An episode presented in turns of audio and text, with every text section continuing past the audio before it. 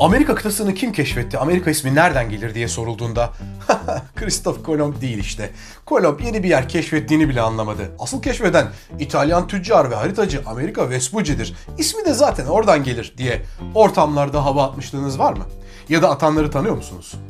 Peki isim ondan da gelmiyor desem? Kardeşim o tarihlerde hem yeni dünyayı keşfetmiş hem de isminde Amerika geçen kaç kişi olabilir dediğinizi duyar gibiyim.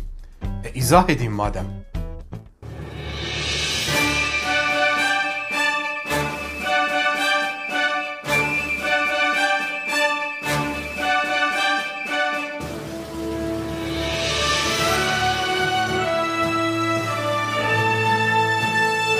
Vespucci Kuzey Amerika'ya hiçbir zaman varamadı bile. Yolculuklarına ilişkin kendi notları ve yazdığı mektuplar dışında bir belge de yok. Üstelik yaptım diye anlattığı 4 yolculuktan ikisinde yer almadı ve yalan söylediği anlaşıldı.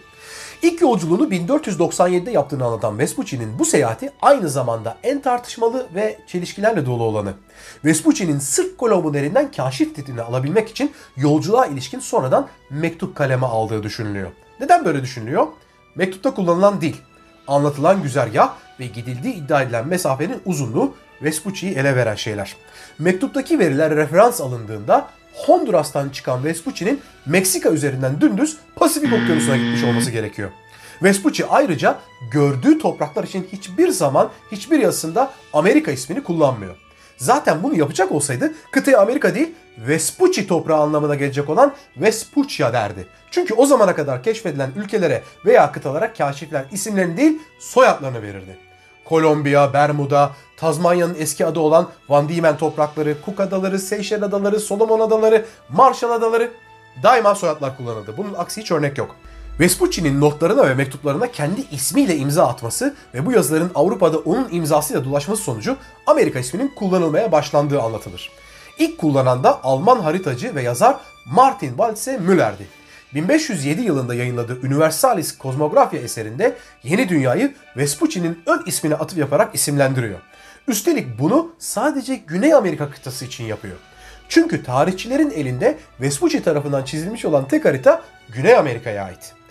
Ne var ki Waltse Müller'in eseri yeni dünya için Amerika ifadesinin kullanıldığı ne ilk belge ne de Amerika bir kaşifin ön ismi.